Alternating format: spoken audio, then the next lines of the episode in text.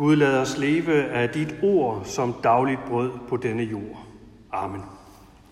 Dette hellige evangelium til 13. søndag efter Trinitatis skriver evangelisten Matthæus.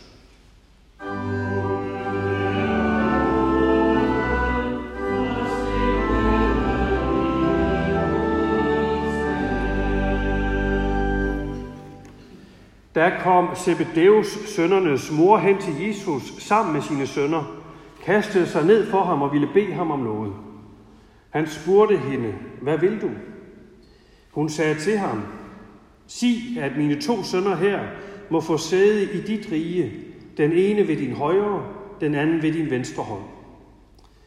Jesus svarede, I ved ikke, hvad I beder om. Kan I drikke det bære, jeg skal drikke? Ja, det kan vi, svarede de. Han sagde til dem, mit bæger skal I vel drikke, men sædet ved min højre og ved min venstre hånd står det ikke til mig at give nogen. Det gives til dem, som min far har bestemt det for. Da de ti andre hørte det, blev de vrede på de to brødre. Men Jesus kaldte dem til sig og sagde, I ved, at folkenes fyrster undertrykker dem, og at stormændene misbruger deres magt over dem. Sådan skal det ikke være blandt jer. Men den, der vil være stor blandt jer, skal være jeres tjener. Og den, der vil være den første blandt jer, skal være jeres træl. Ligesom menneskesønnen ikke er kommet for at lade sig tjene, men for selv at tjene og give sit liv som løsesum for mange. Amen.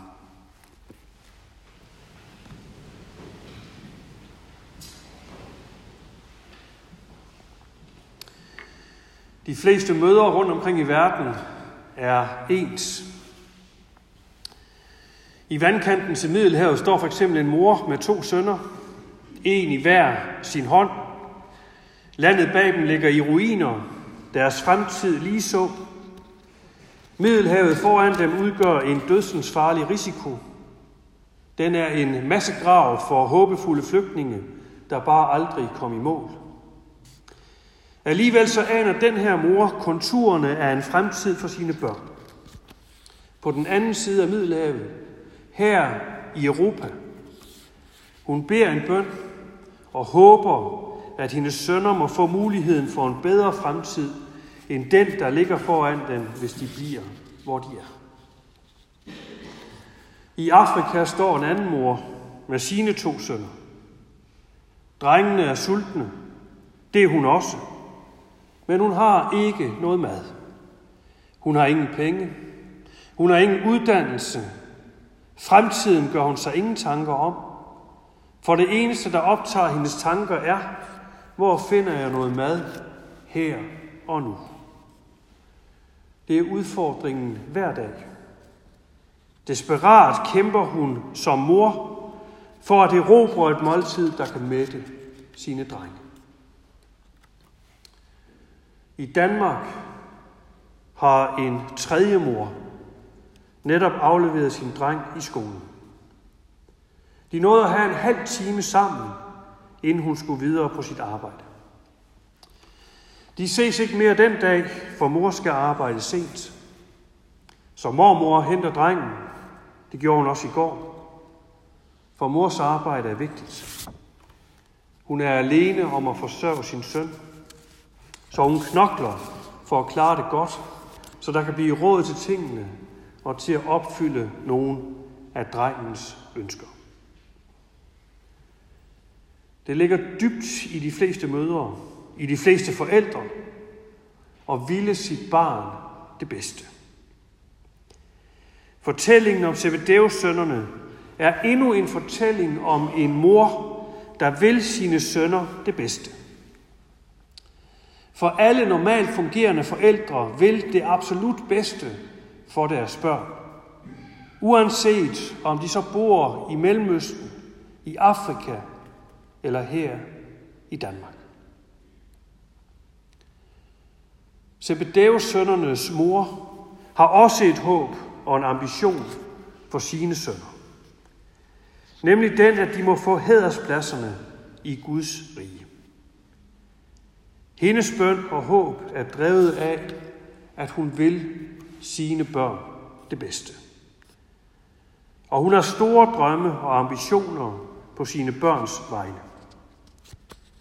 Det er der i øvrigt ikke det fjerneste forkerte. Ambitioner er gode at have. Hvis du ingen ambitioner har, hvorfor så stå ud af sengen om morgenen? Ambitioner giver jo vores liv mening og retning for de kan være yderst brugbare, hvis vi er ambitiøse efter de rigtige ting. Efter de rigtige ting, ja. Det tror jeg er den helt store pointe i fortællingen her. Der lurer nemlig en fare i forældres drømme på deres børns vegne. Forældre kan alt for nemt forfalde til, at børnene skal opfylde forældrenes drømme og ambitioner, i stedet for Guds drømme og ambitioner for et menneske. Derfor gælder det om midt i alle ambitionerne på andres og på egne vegne, konstant at minde sig selv om, at vores drømme for vores liv og Guds drømme for vores liv ikke altid er de samme. Det er godt, hvis vi er ambitiøse efter de rigtige ting. Men desværre er det ikke altid sådan. Vores ambitioner bliver ofte på bekostning af andre. For sådan er vi. Overalt kan du finde nogen, der er klar til at holde andre nede for selv at blive hædret. Det sker på kontoret og på fabrikken. Det sker i skolen og i kirken. Det sker overalt. Og Jesus ved det. Han ved, at vi er sådan. At vi ikke altid er ambitiøse efter de rigtige ting. Og hvad betyder det så mere præcist at være ambitiøs efter de rigtige ting? Ja, Jesus peger i dag på to ting. Det første har med det, vi lige har sunget, at gøre. Nærmere Gud til dig. Den salme har fået en næsten legendarisk status, fordi den er blevet kædet sammen med luksusdamperen Titanics gruopvækkende forlis for over 100 år siden. Skibsorkestret skulle efter sine have spillet salmen lige til det sidste, indtil skibet gik ned. Hvis det er rigtigt, så er der noget smukt og tankevækkende over det. At mennesker i den yderste nød griber til bønden om at komme nærmere Gud. Og omvendt så kan det ved nærmere eftertanke måske virke bagvendt, at den bøn kun melder sig i den yderste nød, når Gud faktisk ønsker at være os nær og være vores tilflugt og tryghed hele vejen og hele livet igen. For det er det, kristen tro handler om. At livet altid må føre os nærmere til Gud og ikke længere væk fra.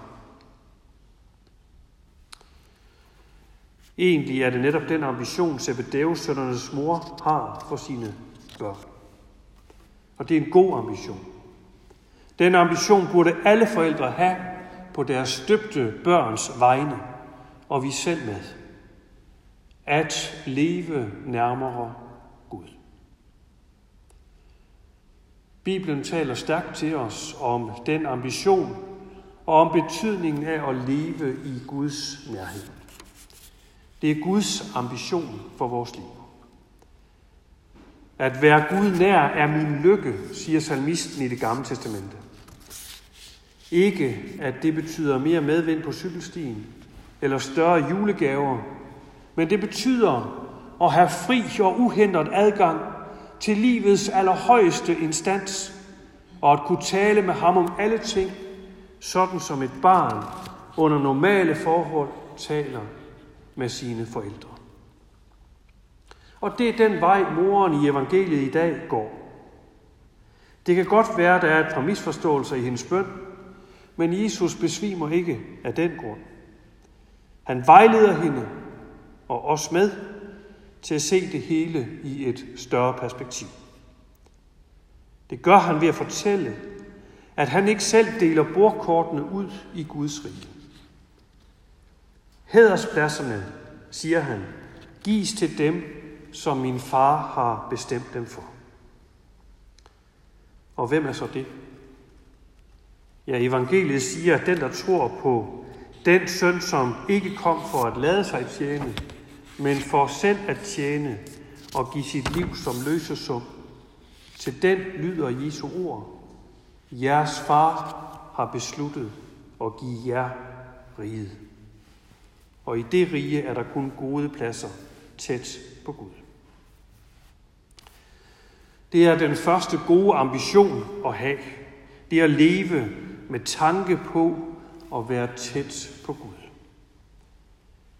En anden ambition, der er god at have, er, når Jesus i dag peger på ledere og magthavere i den her verden, og med bare syv små ord fører vores tanker i en anden retning.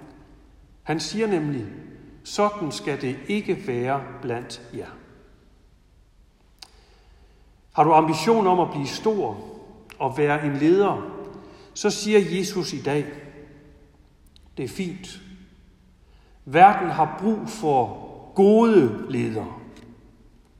Men for at være en god leder skal du tjene. Tænk om dig selv som en tjener og ikke som en mester. I stedet for at bruge mennesker i din tjeneste, skal du tjene dem. Det flugter jo et fint med en undersøgelse, jeg læste om for nylig. Den siger, at forskellen på god og dårlig ledelse er, at den gode leder lytter til sine medarbejdere og har tillid til det, de gør og det, de kan. Den dårlige leder derimod gør altid sig selv til den bedste, tager altid selv æren for alle succeserne. Og derfor er pointen i den undersøgelse, at netop ydmygheden, lydhørheden og tjenersindet giver autoritet og gør en leder til en stor leder. Det er præcis det samme, Jesus siger i dag. Den, der vil være stor blandt jer, skal være jeres tjener. Det handler om at tjene. Det handler om at finde det særlige og det enestående i et hvert menneske. For Jesus ved, at alle mennesker har et dybfølt behov for at blive set på som noget særligt og som nogen, der ikke kan undværes. Så det må vi fremelske, så vi i mødet med hinanden får sagt, du er noget særligt, og du er en, vi ikke kan undvære. Sådan har Jesus det jo over for os. Ingen kan undværes, siger han. Derfor er menneskesønnen ikke kommet for at lade sig tjene og hylde, men for selv at tjene og give sit liv for os. Det er for at kunne give lige netop os en benådet plads i Guds nærhed. Så derfor beder vi om, at vi alle må rykke tæt på ham, at vi må hjælpe andre til det samme, også vores børn, så vi konstant bliver mindet om, at selvom kristendom ikke er en genvej til et mere komfortabelt liv, så åbner troen på Kristus ind til den dybeste fylde og mening i tilværelsen. Præcis som salmisten siger, at være Gud nær er min lykke. Lov og tak og evig ære være dig, vor Gud, Fader, Søn og Helligånd, du som var, er og bliver en sand og evig Gud, højlovet fra første begyndelse, nu og i al evighed. Amen. Herre, vor Gud, himmelske Far, vi takker dig, fordi du i din opstandende søn Jesus Kristus rækker os for løsningen fra syndens og dødens magt. Og nu beder vi dig, blæs du din livgivende ånd ind over os, så vi også bruger vores liv i tjeneste for dig og for hinanden, i tro, i håb og i kærlighed. Så takker vi dig for din kirke på jord og her hos os. Vi beder for vores sovn og for det liv, der rører sig i det. Vær du nær hos alle, der lider nød, og se du i noget til de syge og de ensomme, til dem, der skal dø, og til dem, der mangler håb og mod til at gå morgendagen i møde. Vi beder for vort land og for alle dem, der er blevet betroet et ansvar for det. Vi beder for regering og folketing. Vi beder for dronningen og hendes familie og for alle andre familier. Ja, forbarm du dig over os alle, nu og i al evighed. Takket være din søn, Jesus Kristus, vor Herre. Amen.